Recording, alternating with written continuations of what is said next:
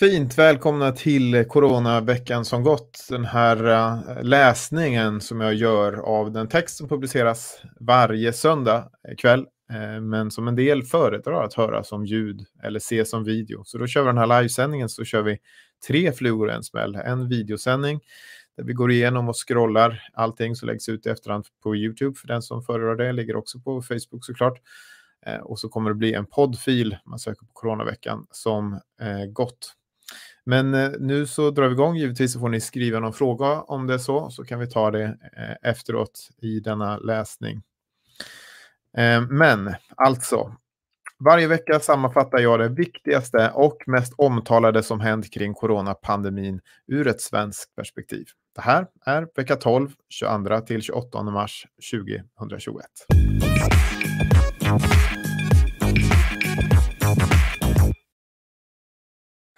Och kanske får vi börja med att säga att det här är eh, den veckan som det är exakt ett år sedan som jag började att kontinuerligt fokusera och bevaka coronapandemin och finansiera det med hjälp av Patreon. Det är också ett år sedan jag tror att pandemin blev verklig för eh, de flesta. Ehm, det är ju faktiskt också helt sjukt och lite deprimerande att det har gått ett år. Det känns på många sätt som ett förlorat år, även för mig, även om det liksom har varit fyllt av väldigt spännande insikter och upptäckter, att jag kan sitta och göra de här livesamtalen till exempel, att jag vunnit Stora Journalistpriset för rapporteringen och att jag hittat någon liksom ny typ av finansiering kring det. Det är eh, roligt såklart, även om det mestadels bara är mycket mörker i det här året. Eh, men eh, jag vill uppmärksamma att det har varit ett år. Tacka så hemskt mycket för er, till er som har stöttat ekonomiskt, inte minst. Otroligt ju. Eh, men också er som eh, lyssnar, följer, läser varje vecka och har gjort det kontinuerligt, skri har skrivit upp på nyhetsbrev och allt sånt där. Det är ju faktiskt väldigt eh, rörande på, på något sätt nästan.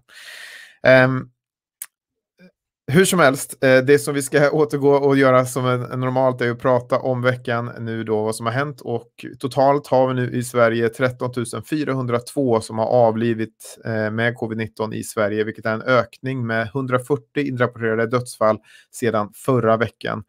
Det är också faktiskt ett trendbrott därmed, för det är första gången sedan vecka två som antalet döda ökar när vi jämför vecka till vecka.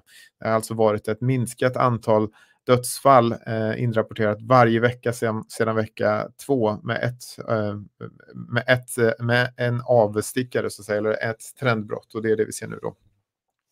Trots det trendbrottet så visar statistik från John Hopkins att Sveriges totala antal döda med covid-19 nu är lägre än EU-ländernas genomsnitt. Givetvis har det med vaccin att göra, men samtidigt har ju alla e-länder fått relativt likvärdigt med doser. Vi kan se här på den här grafen, för er som nu ser via video, att ehm, eh, eh, Sverige har ju hela tiden, egentligen sedan mars, eller förlåt, sedan april, legat en bra bit över till en början, men sedan hela tiden över EU-snittet när det handlar om inrapporterade döda. Och givetvis är det så att EU-länderna eh, rapporterar på olika sätt och räknar på olika sätt, men det här är ett slags snitt som då finns, där vi ändå har legat över hela tiden, fram tills nu de senaste eh, veckorna här. Um, och eh, jag pratade, eller jag skrev till Anders Tegnell och frågade om hur han såg på det här. Och han kommenterade att eh, möjligen har vi varit mer träffsäkra med vaccineringen och nått en grupp med hög risk snabbare än andra länder. Att, att satsa på särskilda boenden som vi gjort kan ha haft den effekten.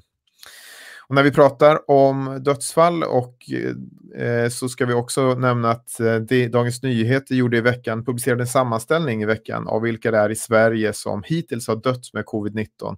Sammanfattningsvis så är det låginkomsttagare, lågutbildade och utrikesfödda som är särskilt och har varit särskilt eh, drabbade av covid-19 när det handlar om dödsfall. Okej, om vi lämnar dödsfall och vi tittar på antal smittade per capita, då ligger vi istället just nu högst i Europa enligt en sammanställning som publicerades i veckan. Och under den senaste inrapporterade helveckan så noterade Folkhälsomyndigheten nu att rekordmånga har testat sig. Över 300 000 har varit och testat sig i veckan. Och vi ser här ju på grafen då att vi är uppe i den här rekordnivån som alltså är över den tidigare rekordveckan eh, som var veckan innan jul då väldigt många gick och testade sig, kanske eh, profylaktiskt, det säga, proaktivt inför att man skulle träffa familjen inför jul. Men nu är vi uppe i den här rekordnivån. Men vi ser också, inte ett rekordnivå, men en kraftigt ökat antal bekräftade fall. Det har gått upp eh, 16 procent jämfört med förra veckan och är totalt 33 000 fall förra veckan. Ehm, och vi ser ju här att det är ett rejält hopp som har gjorts mellan, eh, ja egentligen de senaste två veckorna så är det en rejäl utveckling uppåt i den grafen som vi ser här för er som följer videon då. Antalet inlagda för vård, både slutenvård och intensivvård, fortsätter också att öka över hela landet. I Stockholm så har antalet nya patienter som behöver intensivvård ökat med 80 procent på två veckor. Stockholm ser hur smittan och antalet allvarliga fall också kryper ner i åldrarna. För första gången så är majoriteten av regionens IVA-patienter under 70 år i, i Stockholm alltså. Även i Uppsala noteras en liknande trend där var fjärde covid-patient har hamnat på IVA.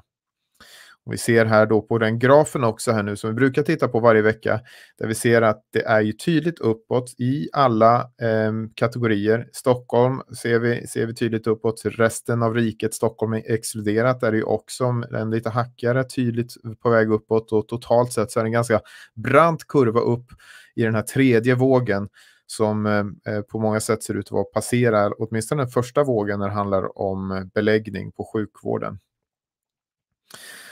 Smittan ökar ganska jämnt över hela landet eh, under föregående vecka. Totalt ökar i 16 av landets 21 regioner. I fem av regionerna raketökar smittan med 30 procent jämfört med förra veckan. Det handlar om Kalmar, Kronoberg, Norrbotten, Sörmland och Uppland där vi ser den här 30-procentiga ökningen på bara en vecka. Och i nästan samtliga regioner så tror man att tryck, trycket på vården kommer att fortsätta öka enligt en enkät som eh, publicerades i veckan.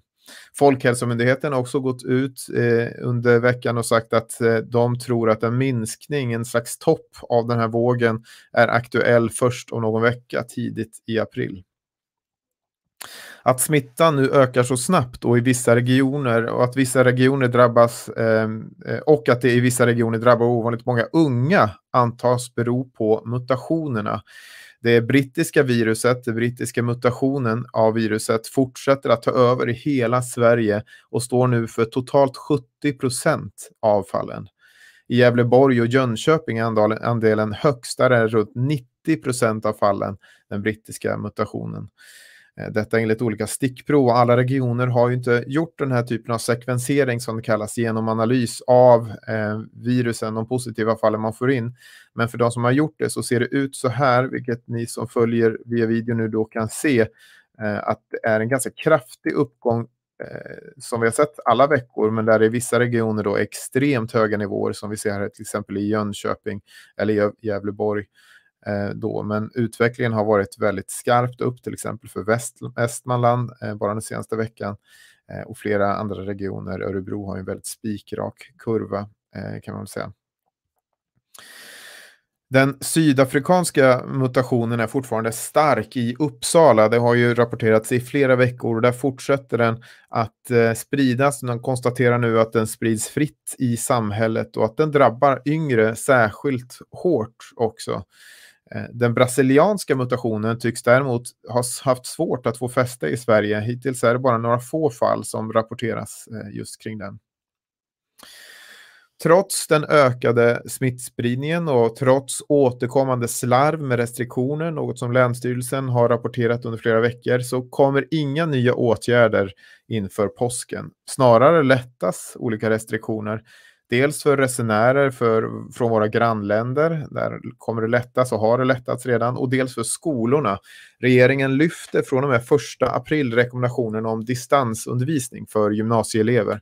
Skolor får nu fortsatt själv avgöra om undervisning ändå ska ske på distans, men regeringen ger alltså ingen sådan allmän rekommendation via Folkhälsomyndigheten.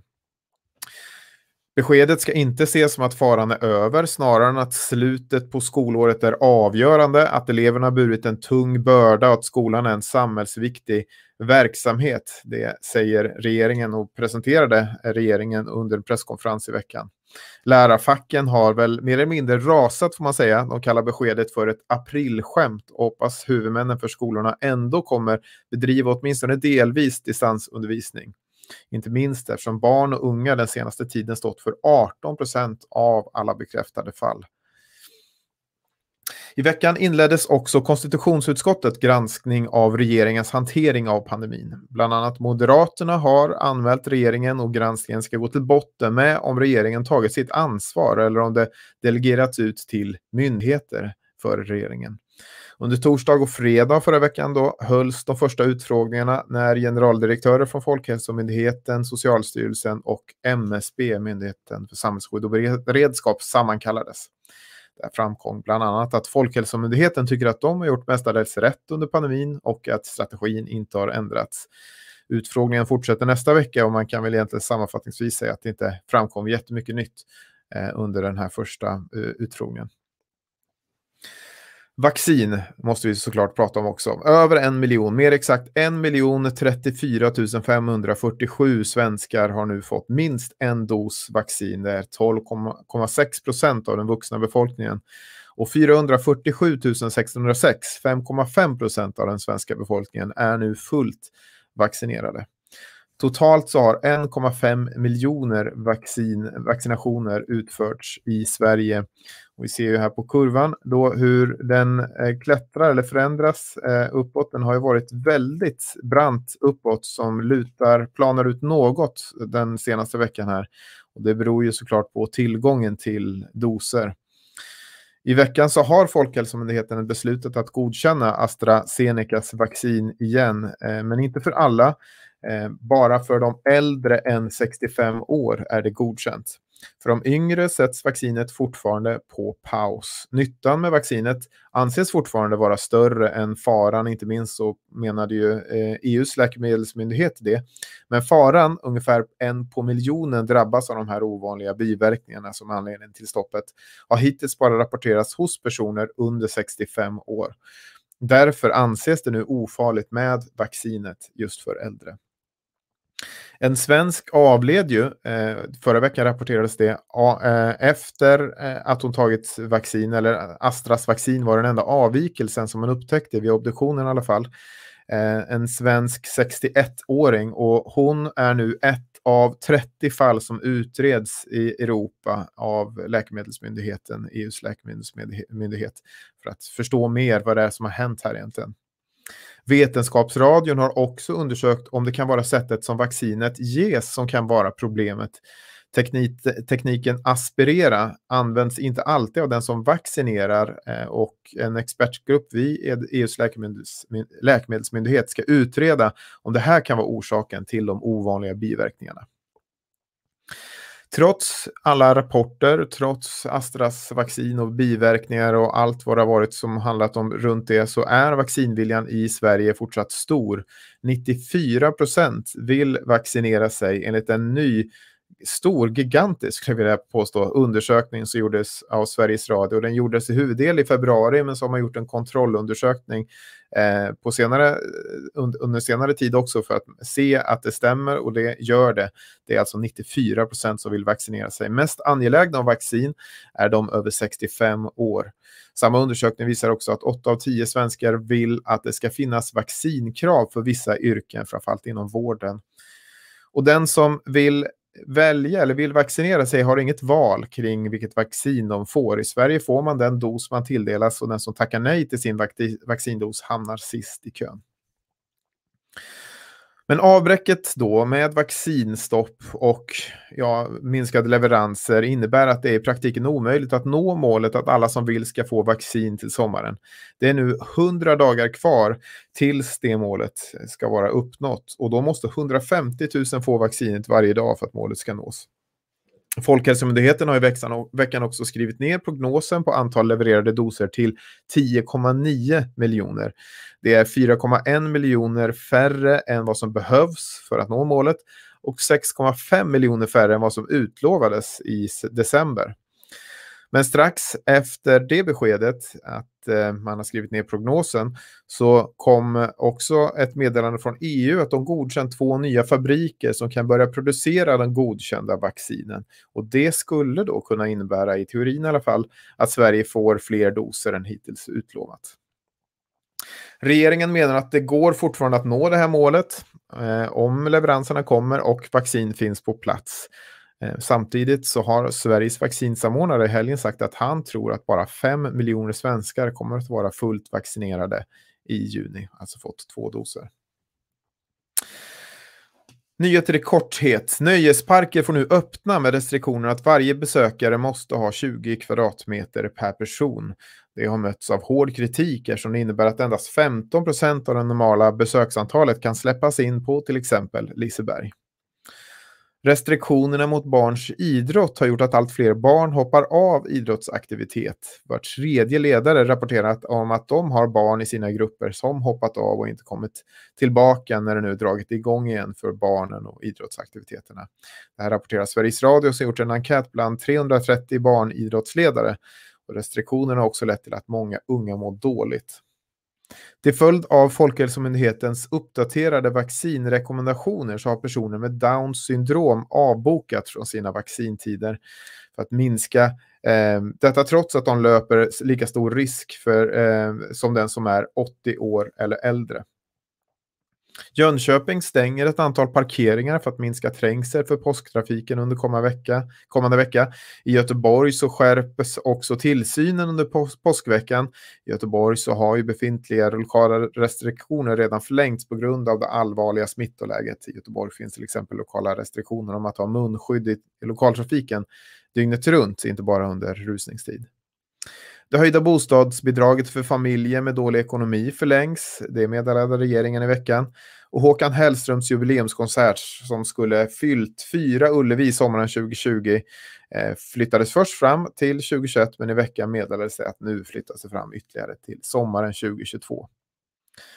Kronprinsess, kronprinsessan och prinsen har återhämtat sig från covid-19. De hade bara lindriga symptom och till sist Ralf 95 år har äntligen vaccinerats och han går nu tillbaka till jobbet. Ett klipp som blev väldigt spritt från SVT här i veckan och så finns att klicka sig in och titta på på eh, emanuelkarlsten.se. För det var allt som vi hade eh, den här veckan. Det var hela coronaveckan som gått. Eh, hoppas att du känner dig något mer uppdaterad eh, och att du ehm, eh, ja, tar hand om dig helt enkelt. Eh, uppskattar du det får du hemskt gärna stötta på patreon.com Emanuel Karlsten. Det här finansieras helt av personer som tycker att det här är viktigt. Det är eh, nyttigt för dem och de har ekonomisk möjlighet. Tanken är inte att alla ska betala utan den som har just möjlighet och att det därmed inte ska utesluta folk att få en kort executive report om vad som har hänt under den senaste coronaveckan. Överväg gärna det, gå in på patreon.com Emanuel Karlsten. Tack så mycket för att du lyssnade.